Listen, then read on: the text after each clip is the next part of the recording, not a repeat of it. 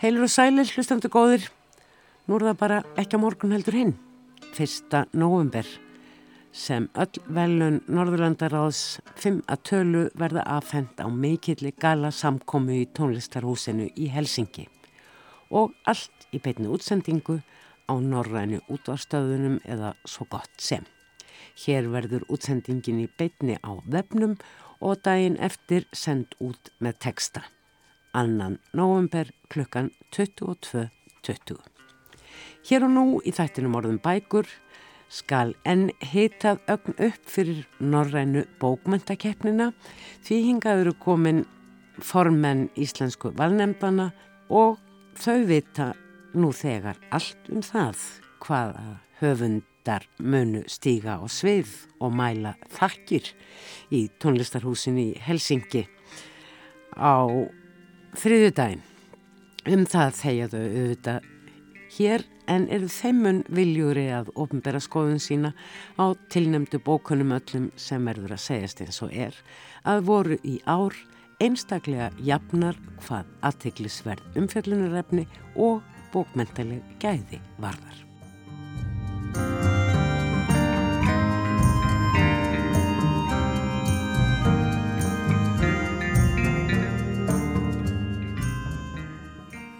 Heil og sæl, Helga Ferdinandsdóttir, formaður valnemndar barna og úlinga bókmyndavellunar Norðurlandaráðs og Kristján Jóhann Jónsson, formaður valnemndar bókmyndavellunar Norðurlandaráðs. Ekki satt.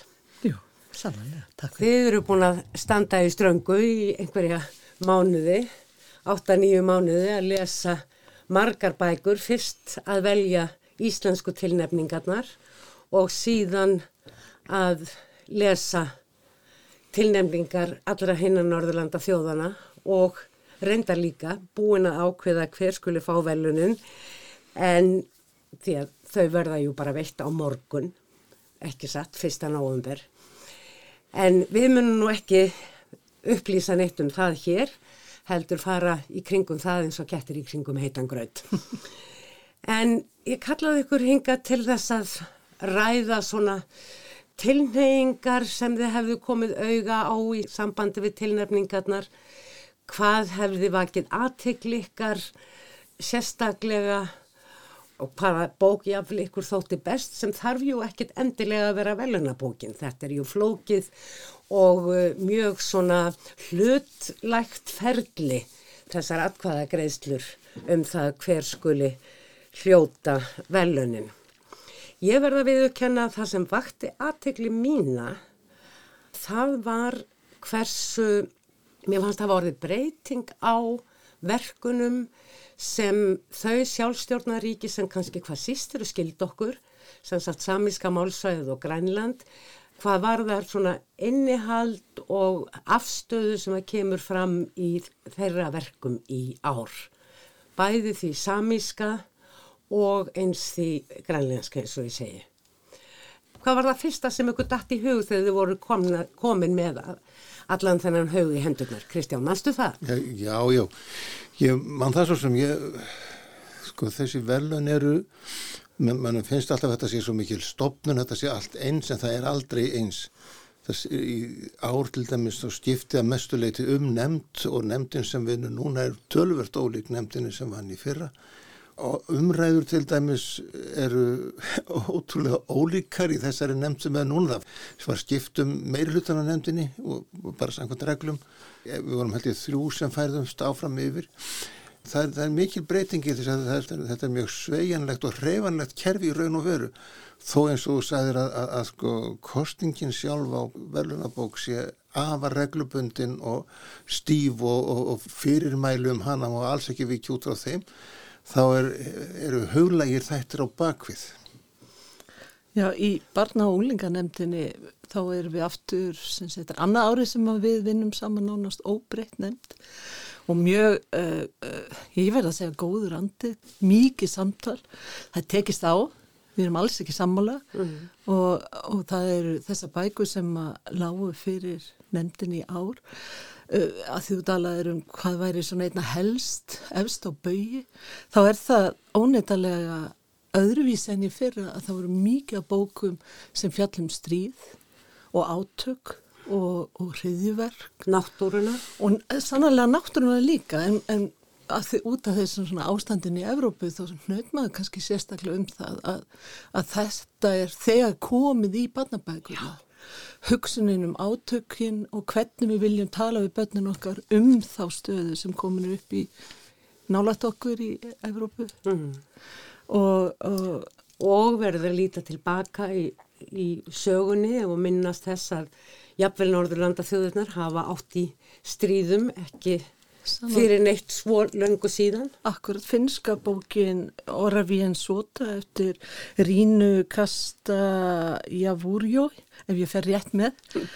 eh, og með minnskriðum eftir Martin Balsætt, eh, fjallar um, um stríð sem finnar áttu í fyrir vetrastriði, vetrastriði fyrir, já, fyrir, fyrir nánast 80-90 árum mm. og þeir og þau átök kvíla ennþá þannig með þjóðinni að þegar að, að stríði Európa var ekki, eða Ukrænustríði var ekki hafið þegar bókin var skrifið en tala sannarlega beint inn í uh, þá, þann veruleika sem við horfum á núna. Mm -hmm. Mjög sterk og fallega minnskreitt bók. Já. Það er náttúrulega ábyrrandi í flokki barna og úlingabókmenta hvað myndabækur þar sem að myndirnar eru í fyrirúmi eru miklu, miklu fleiri. Það er í raun ekki nema kannski tvær tekstabækur. Tvær úlinga skáldsögur. Já, annars vegar svo sænska sem er jú eftir samískan höfund mm. og hins vegar svo íslenska eftir Artísi Þorrannstóttur Bál Tímans. Já, og svo, svo Gunnar Helga. Já, hann er sína. líka já. svona jöfnum höndum svona. og sama má eiginlega segja um uh, norsku uh, bókina Úp besvart uh, Andróp, Andróp já. Já, geysilega sterk bók að mínu mati. og fjallar um eftirkust, skoðar eftirkust ára sanna í útei á unlinga í Noregi. Þetta er teiknumyndasaga opaslega fallega unnin og unnin sérstaklega fallegar uh, litanótkun er, er sterk og, og beitt til þess að ná áhrifum sem að og þannig að maður, maður kvílir mjög djúft í þessum textum, mjög áhrifarík og uh, svo bók hefur svona það með sér að vera að fjalla um atbyrðuði sem eru samfélagslegt tráma og, og spyr þessu spurninga má vera gladur eftir eitthvað svona hefur á sér stað í samfélaginu? Má ég vera gladur úlingur og það sem líka vakti aðtikli mína hvað hún leikandi létt og með eðlilegum hætti ingildir það er alls konar fjölmenningasamfélagið í allir sinni mynd. Á þess að það sé nokkuð, nokkuð tema Nei. en það er þarna. Já. fullorðinsbækurnar hinn gamalgrónu velun eins og ég orðaði gerðnan í þættinum. Maður sér oft ákveðna tilneyingu og þarna er til dæmis karlmennska Þarna er utangarðs. Já, kallmennska og, og kynvitund, kynvitund var mjög já. sterk í þessum bókum, spurningum kynlíf og vald. Það eru hvorki meira minni en þrjár skáldsögur þarna sem að snúast að langmestu leiti um þetta mál. Mm. Báðar finsku bækurnar í rauninni. Báðar finsku bækurnar í rauninni og svo hérna danska bókin uh, Adam í Paradís. Nákvæmlega. Sem er söguleg skáldsaga um samkynniðan mann sem að listamann sem getur Sartmann og uh, starf... Var hann það? Já, já, var hann það, já, gott og vel, gott og vel, það, það fær að vera spurningamætt í bókinni. Skiptir það máli? En, en það, það er nú svona kannski stundum, einhvern tíma var nú búið til hugdag sem var homin í glerskáfnum. Hann held sér mjög til, til hljés með þetta mál allt saman, en það var glæpsamlegt að, að vera samkynhegðu framundi 1933 í Danmörku hmm. og, og þessi saga nær einmitt yfir þetta tímabil og í bókin eru kaplar um úr greinum og blöðum, dönskum það sem að hérna fordóma drullan, ég leiði mig bara orðaða þannig sko lekur alveg af síðum bladana sko, það er, það er blátt af frá makalust að sjá mm. hvernig maður skrifa og það er ekki lengra, lengra síðan en þetta mm. við finnst mjög merkilegt að að fá upp svona sögulega skáldsögu vegna þess að þetta hefur verið svo mikið umræðu, umræðu efni síðustu 50 árin að þá að beina ljósi að sögunni fyrir þann það, tíma. Fyrir þann tíma, það er mjög áhugavert. Sartmann hefði átt hérna á hættu bæði fangins og þrælkunarvinnu ef hann hefði svona fingurna eins og segja ef hann hefði verið samkynneður svo það er, það er svolítið mikið annað viðþorf heldur en það sem við erum að tala um í dag. Taland um Sartmann að þá er líka í, í finsku bókinni og í Sartmann þá er það líka listin og staða listamannsins. Já, hún er, hún er nokkuð sterk í þessu en almennt þá finnst mér sko að þessar skáldsögur sem lagðar voru fram og margar skáldsögur lítið af ljóðabóku þetta skipti að þær eru bara einfallega mjög sterkar og það er ekki bara þetta það er önnur sænska sagan sem að hérna þessi sem fjallar um föðurinn sem að uh, nú, nú man ég ekki Den dagen, den Den sorgin. dagen, den sorgin. Eh, hún er alveg ótrúlega sterk bók, sérkennileg og sterk er- meðal annars vegna þess að hún er skrifuð á, á, á hófstiltan og yfirvegaðan hátt út frá sjónamiði föður sem hefur sjúklega egnar áráttu gagvart dóttu sinni og er með allar mest bönnuðu tilfinningar í gangi sem við heyrum af í nútímanum og höfundurinn er aldrei skjálfendur á pennanum eins og maður segir og þetta gerir bókina alveg óhugnarlega sterka. Ég hérna hafði þann háttin á núna að uh, hvorki að fá fólk til þess að lesa bækurnar í gegn íslenska fræðinga og, og þá sem að gerst til þekki og lesa norðan tungumál. Nýja heldur að lesa þær allar sjálf, heldur fekk ég norðana kollega mína á útvarstöðum við svegar til þess að segja mér frá og lefa mér að spyrja svo litið úti og mér fannst það mjög aðtiklisvert og uh, það voru náttúrulega allir mjög ánæðið með sína, sínar bækur en margir nefndu líka bækur tilnefndar af öðrum þjóðum. Rödarummet, uh, svo finska sem er svona borgarsaga samkynneigra í Helsingi og bókinum Sartmann, Adam í Paradís, komu þar stert inn sem og hinn sænska tilnefningin, ekki uh, Den dagen, den sorgen, heldur bók Kerstin Ekman, Löpa varil sem að er jú líka gríðarlega sterk bók fjallanum veiðimann og hvað er til kallmannlegra heldur en veiðimaðurinn. Já, ég er nú bara að segja það eins og er að mér fannst svo bók ekki eins sterk Nei, og mér fannst það gerast eins og oft þegar að hérna kallmenn hafa verið að skrifa um konur þá verða þeir svona svolítið þá missa þeir svona nokkrum aðalatriðum og eins fannst mér nú fara fyrir Kerstin Ekman þegar hún er að skrifa um kallmenn að hún missi svona nokkrum aðalatriðum. En það er svolítið erfitt að setja sig inn í, í spór hins kynsins og setja sig í spór þeirra sem eru í annari menning og öðruvísi hugsandi. Kerstin Ekman er alltaf magnaður höfundur og hefur gert gríðarlega margt gott og það er svo sem er augljóst að hún er að skrifa þarna um rétt náttúrunar gagvart manninu sem er nýtt umræðu efni og ferst og, og lifandi en, en sem hún reyndar hefur nú tekið upp á sína arma Já, já. löngum. einmitt, einmitt. Já. Hún er kom fast að nýraði það ekki. Jú, jú. Og Ótrúlega. ef hún fengi verlunin, Já. að þá hefði það gerst í fyrsta sinn að einhver hefði hlotið þau tvisvar. Já. Það er líka mjög sjálfgeft að sé lagður framhöfundur sem hefur fengið þau áður og það eh, má nú aldrei segja neitt um- úr nefndinni sko en ég varð var við að mönnum fannst það ekki allt í lægi öllum Ah. að leggja fram höfund sem hefur fengið þau áður en það mun ekki vera neina reglur sem að mæla gegn því. Þetta er óskrifuð regla og, og það er bara þannig. En talandi um að setja sig í spór hins kynsins, Kristína Karlsson, hinfinski höfundurinn, tegir sér nú ansi langt, setur sig ekki aðeins í spór uh, sem höfundur, sem skrifandi, annars kyns heldur beinlinis geldings og það sko hundruð ár aftur í fornesku, í Kína aukin. Það, það fannst mér mögnuð bók og hún Algjörlega. og þessi sviðs að taka þetta svona út úr hínu skandinavíska samhengi og setja niður sko mitt á milli kynja að það, hann, sko, bókin segir í sjálfur sér við mann að, að sko það af hvaða, kyni, hvernig maður skilgrinni kyn sitt, það ráði því hvort maður er þáttakandi í samfélaginu. Og ef maður getur ekkert skil, kyn skilgreint, þá er maður út úr samfélaginu.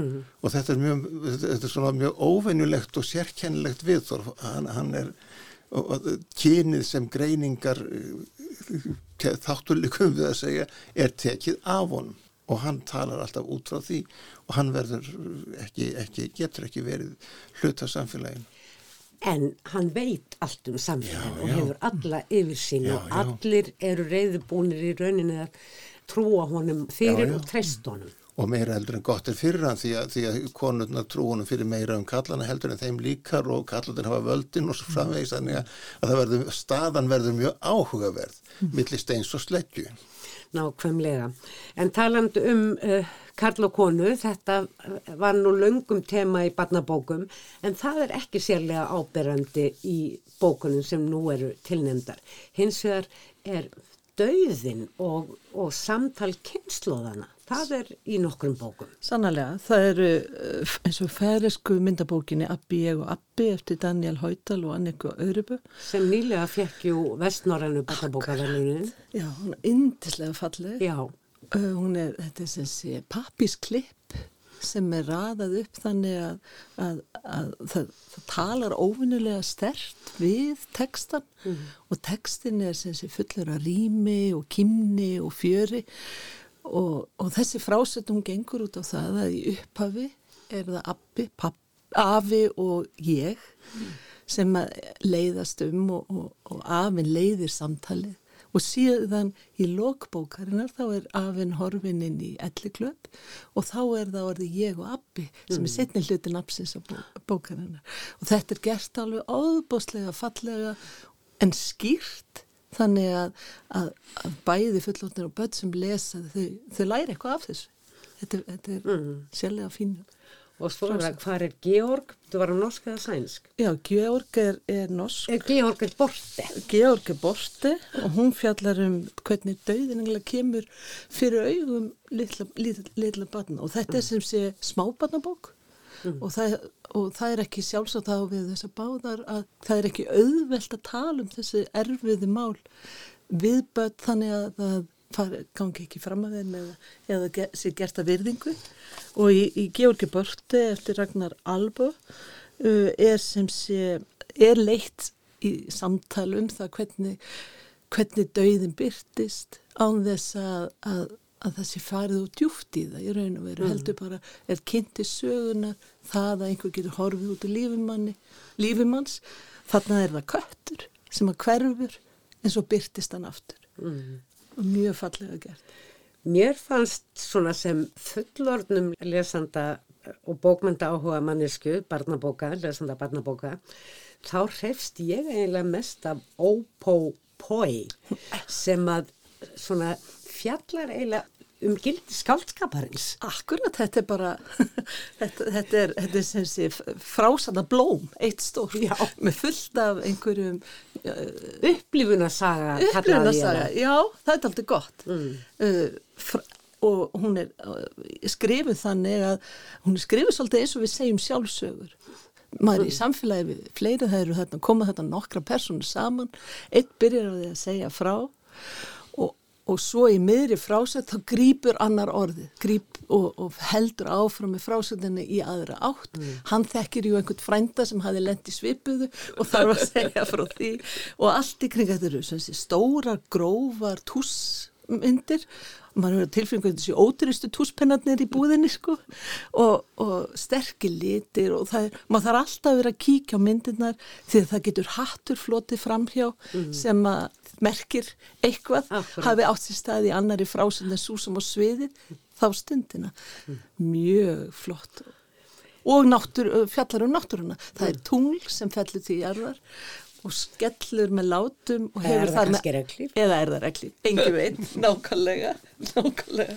En hefur áhrif og hrellir mannfólki og það er náttúrulega eitthvað sem við erum búin að vera að horfa á í, í mörgum af þessum tilhjöndu bókum hvernig náttúruváin er að hrella mannfólki Við höfum enn ekki minnst á eina bók eða, já, hluta úr verki sem samt er þrískipt sem að fellur kannski svona daldið utan þeirra svona rása sem við höfum verið að setja upp hérna Kristján í sambandi við tilnefnda bækur.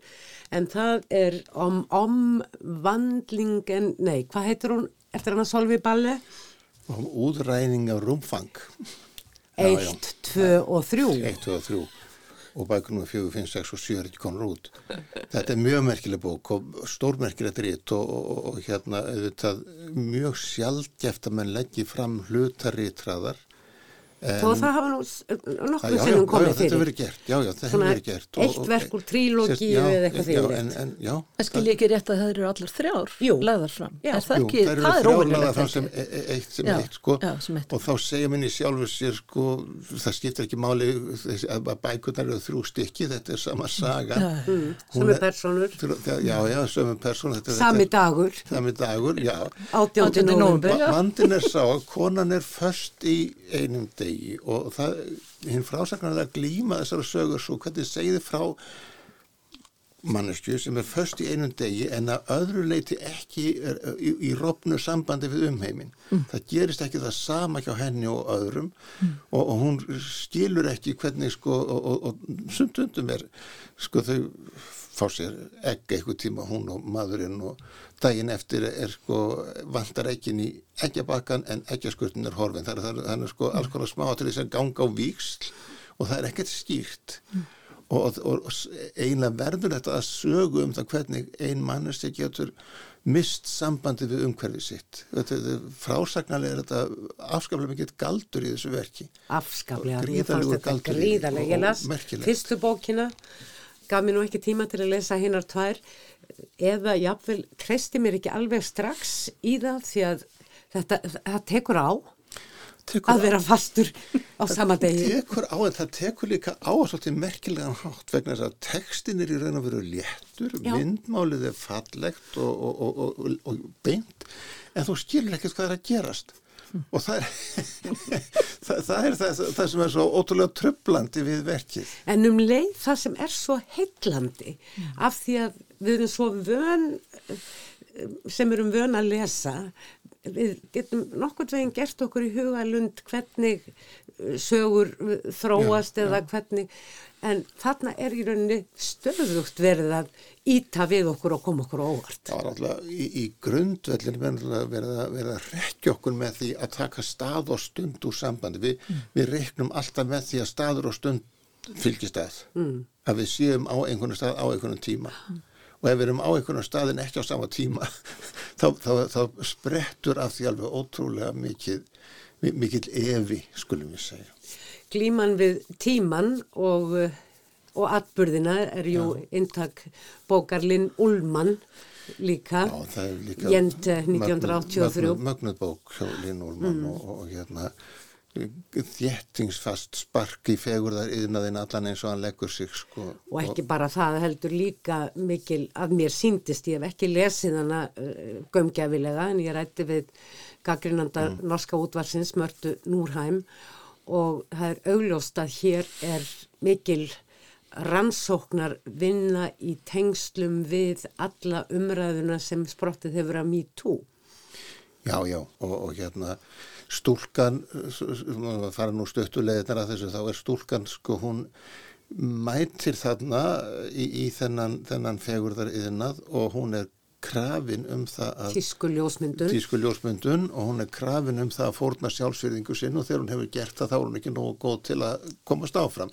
Þetta er í sjálfu sér er þetta alveg eins og gamla miðaldasagunum nornirnar sem voru saklausar eða flut eða sukk og druknuð eða sekar eða flutu.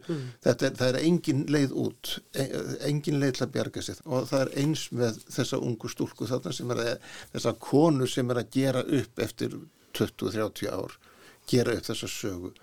Og mjög snjált hjá Úlmanna hún hefur framsagnar fjarlæðana svo langa að, að hún getur hort af meiri fjarlæð á sig sem söguefni.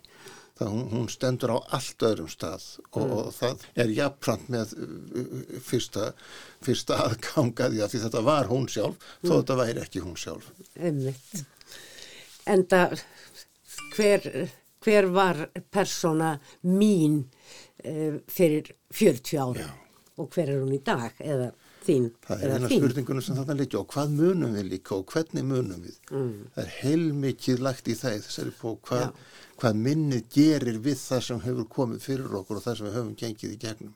Og hinn bókin sem að uh, normenn tilnefna um dalinn G, Já. þetta er G, Já, já. þar er hins vegar er það einhvern veginn hlutir og stafir uh, sem að liggja til grundvallar uh, frásögninni Já, það- eða upprifjun Já, já. lífsins í þessu byggðalagi. Já, mér fannst þessi bók eiginlega betra og betra eftir því sem frá leið að ég las hana því að, því að það sem hún segir í sjálfu sér er að sko uh, þið kannist nú við þessa gamlu ljóðlínu sko Rammers og tauga rekka drefur föðurtúna til.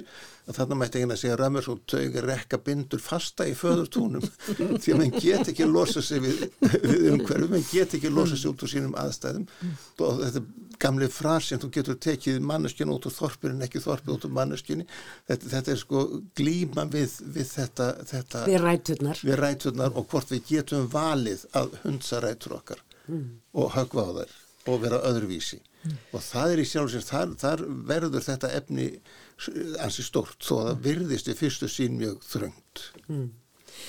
Um, það sem við höfum uh, rætt hér, uh, það margt að því tengist samfélagi og pólitík og svoleiðis en það er í öllum tilveikum fært í mjög skáldlegan, frásagnatæknilegan, jafnvel mjög ljóðrænan uh, og myndrænan, ekki síst í barnabókunum búning.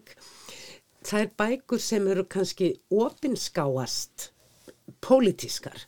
Það eru þar sem ég nefndi upphafi, sem sagt tilnefning annars vegar Grænlands og hins vegar uh, samíska málsvæðisins. Ég ætla, eh, ég, ætla, að fá að stinga inn þarna hjá þið líka færisku ljóðabókinu sem við ekki Já, nefnt. já, Hún er, hún má Beini Bergson, Beini eh, Bergson Sólgarðurinn. Sólgarður, það er mjög kynjapolítist sterk bók og sterk Já. í sínu samhengi og sínu, sínu þjóðfélagi. En þarna er beinleginis verið að ráðast að nýlendustefnunni í bæði Artíkos Dolores eftir Jesse Kleman annars vegar og hins vegar, ég veit nú ekki hvað hann heitir á íslensku, uh, samíska bókin. Dea í Væs mann átt eftir Mari Ælonæeta Somban Mari. Fyrirgefið frambyrðin en hún hefst bara beinlins á ádrepu gagvart normönum hvernig þeir hafi farið með samana.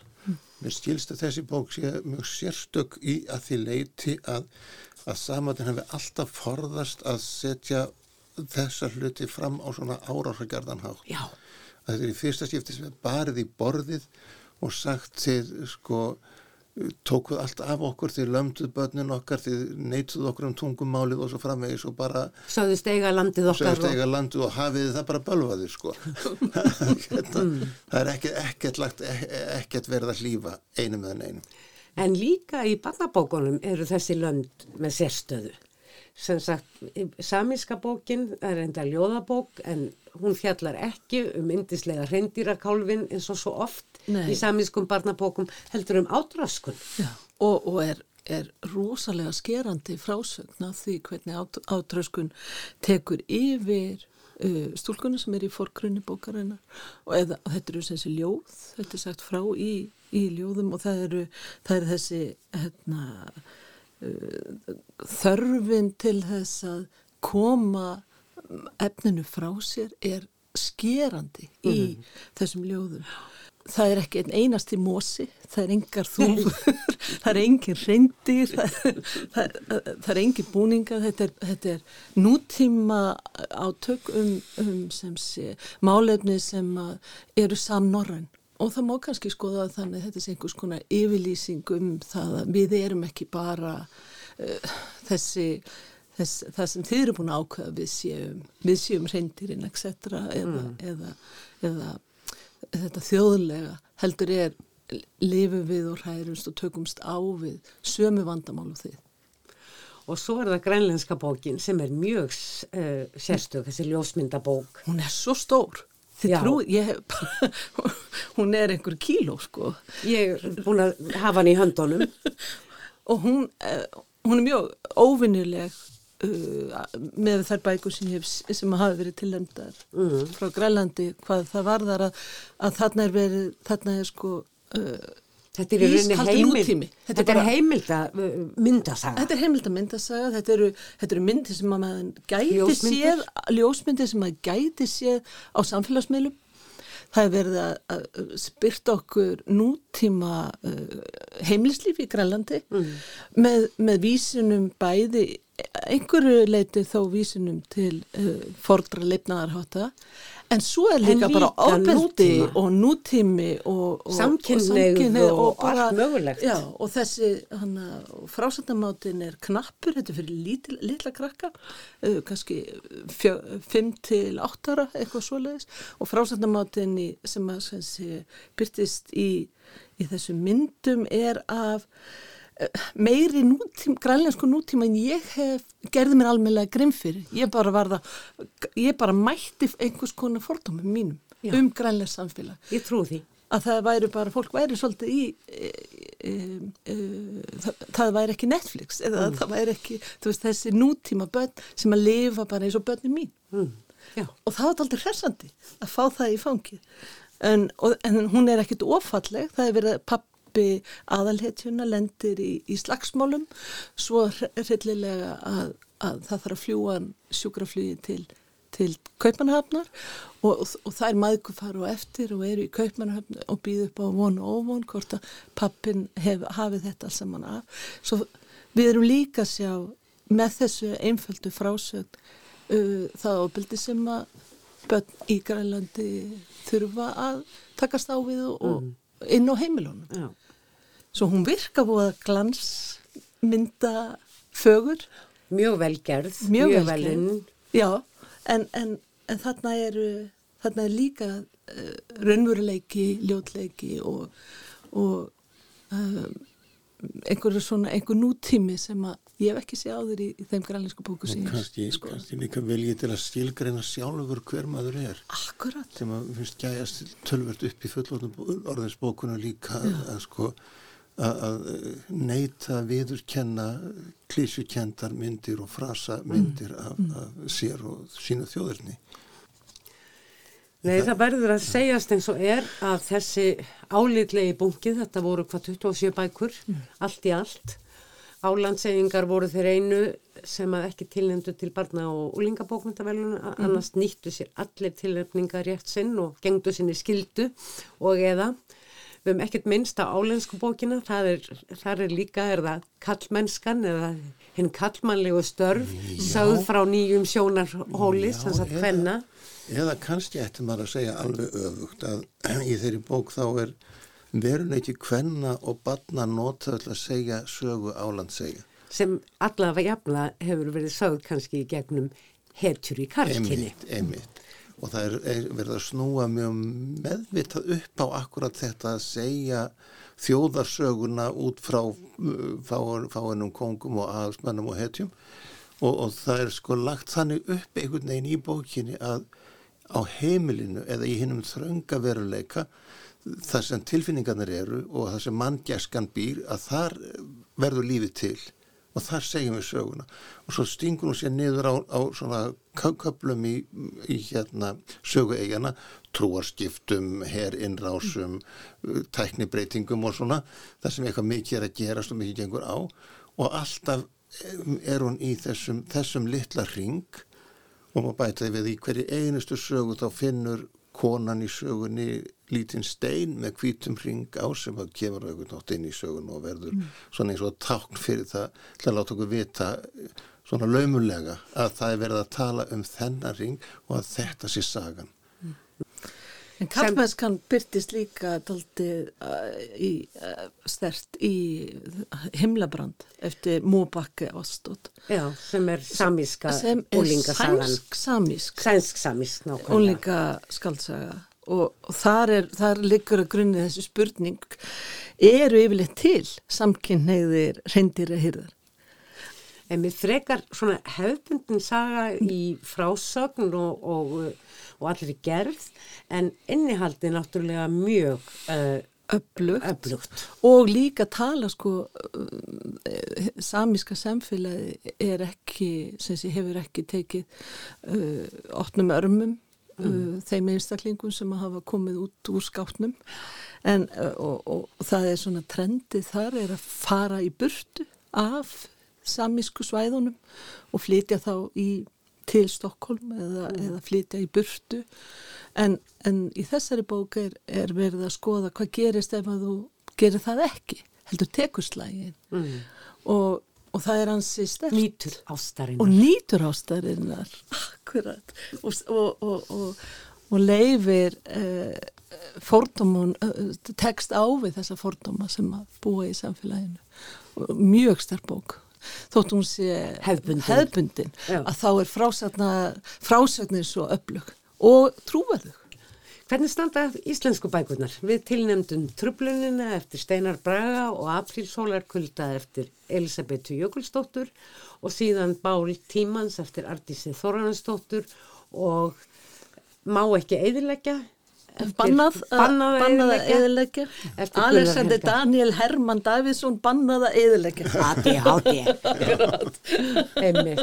já, þetta eru mikla sómabækur sem við vorum að tilnefna. Algjörlega. við erum stolt af þeim Já, og en mér finnst að það skera sig sko, tröflunin er nú svona eh, framtíðarsaga, svona dystopía og uh, aprílsólarkvöldi er, er svona sannsaga, er kvennasaga Já, Og- hún fjalla náttúrulega líka um geðheilbrigði og, og um, Já. um uh, hvort nú maður getur treyst sinni eigin vitund Mm. í, þegar út í lífið er komið og það er sko bara fullgilt umræðu efni hvar og hverna sem er sko Hmm. og hérna ég tala nú ekki um þegar það er sett fram á svona knappan, sterkan en ljóðrænan hátt. já, já, já, já.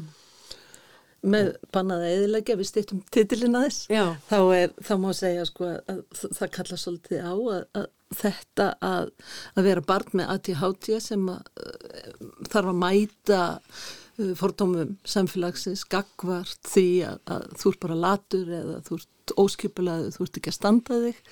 Óþekkur. og, óþekkur. Og hann, hann sé Gunnar gerir þetta þannig að hann hann sé tekur svolítið vel utanum það og sýnir hvernig það er að þurfa að lifa inn Hann í þessu inn, fer inn í hann þetta. fer inn í þetta sko hann næra, hann næra einhverjum sönnum tónið þarna Mm. og, og sýnir uh, þessa glímu við sögum, þegar, þegar aðtiklinn hleypur í staði allar áttir og maður, eða allavega í, í þessari frásögn verður verður það að um, uh, engla vélinn í frásögninni. ADHD er það sem keiri frásögnina áfram og það er skemmtilegt og velgert Mjög vel gert. mjög læsileg og Bál Tímans mér sem bókmyndamannisku og fullorðinmannisku þótti þetta náttúrulega bremlaðslega skemmtileg bók. Hún er líka fjallar í raun og veru líka um stríð og stríðsbröld mannsins og hvernig við, hvernig sé, að það að svona bók Konur og kalla. konur og kallar akkurat og að svona bók skulle yfirleitt hafa það af í 700 ár með að við hvað við erum alltaf að kveiki í einhverju með ólíkindum Hvernig er það með barnabækurnar, Ko- kemur eitthvað út á íslensku? Já, það er nú það, sko. Það er kannski þetta með þýðingar og, og bókmenta uh, Verðlaunin. verðlunin almennt. Já. Það er náttúrulega alltaf nánast sorgarsak, ef ég segir svo. Ég held Já. að séu þrjár af þeim bókum sem hafa fengið verðlun frá því að, sko, 2013 sem bókmentaverðlun, Barna. og ungmenna bókmentaverðlun voru sett á laginnar og það eru þrjár sem hafa fengið, verið þýttar yfir á íslensku. Já, ég er múin að setja í þessari nefnd í fjögur ár minnum við og ég man ekki eftir neitni bók sem hefur komið út sko af fullonins bókum og þetta eru hvert bókmentaverkið það eru sko. Og það er einhvern veginn eins og hinn íslenska hugsun í þessu sé alltaf dýr þetta koma okkar bókum út í Skandinavíu en við hefum engan áhuga að sækja neitt inn. Nei, Svei mér þá. það er svo þetta er merkileg, þetta er merkileg reynslu að sjá það. Að það er sko algjört áhuga leysi fyrir að taka á móti en mikið fyrir því að senda út. Nei. En, en þetta eru ótrúlega sterkar bækur, finnst Já. mér í báðum uh, flokkum núna.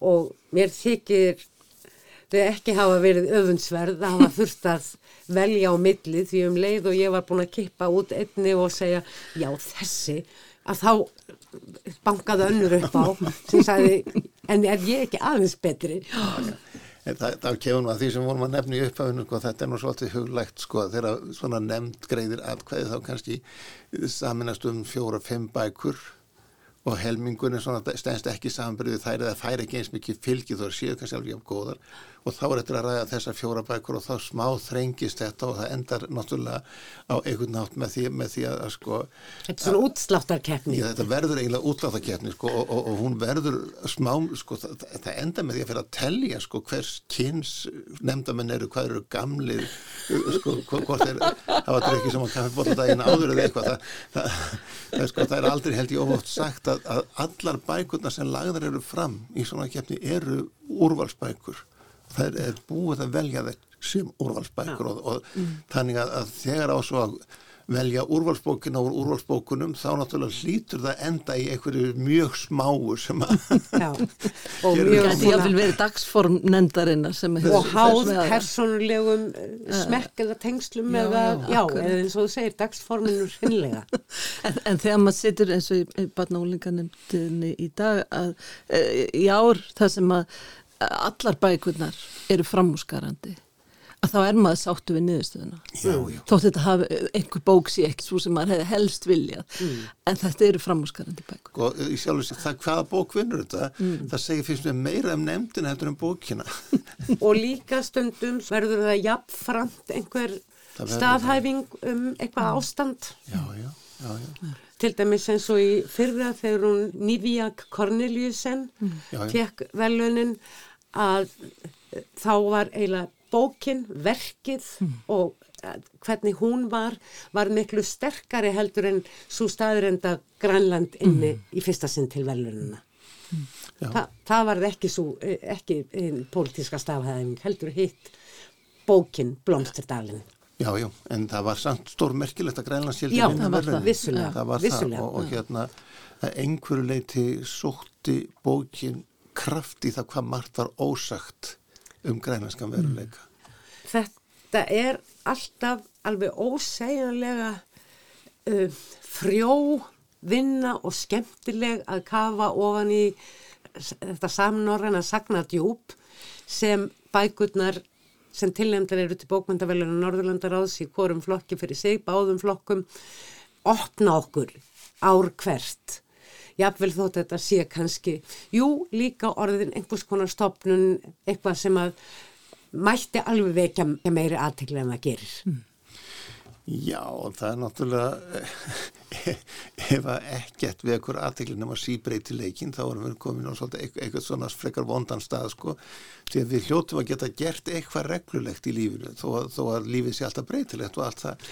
En við verðum að slá botni þetta, við erum búin að tala hér allengi, en ég vona að hlustendur hafi látið kveika í sér hvað norrannar bókmyndir dagsins í dag varðar. Helga Ferdinandsdóttir og eh, Kristján Jóhann Jónsson innilega þakkir fyrir þetta skemmtilega samtal. Þakka það sjálfri. Fleiri verða orðum bækur ekki að þessu sinni. Ég leifi mér að nefna hinn danska Jan Oxböll Kallesen og bók hans Ó Pó Pói og teknimyndasöguna Úbe Svart Anróp sem og bækur Solveig Balli og stúlkuna hennar Linn Ullmann sem möguleg verðlunaverk. Það verður spennand að sjá. Takk fyrir að hlusta. Verði sæl.